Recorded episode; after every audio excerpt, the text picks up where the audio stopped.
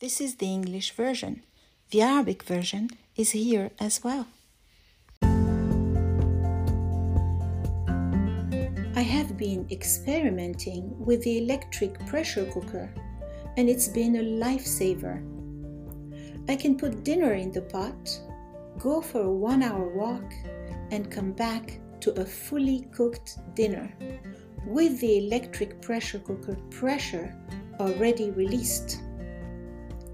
All I have to do is remove the lid and serve.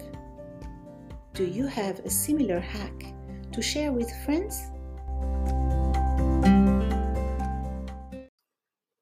Gradually uploading these tiny bilingual stories to my YouTube channel so we can read them together.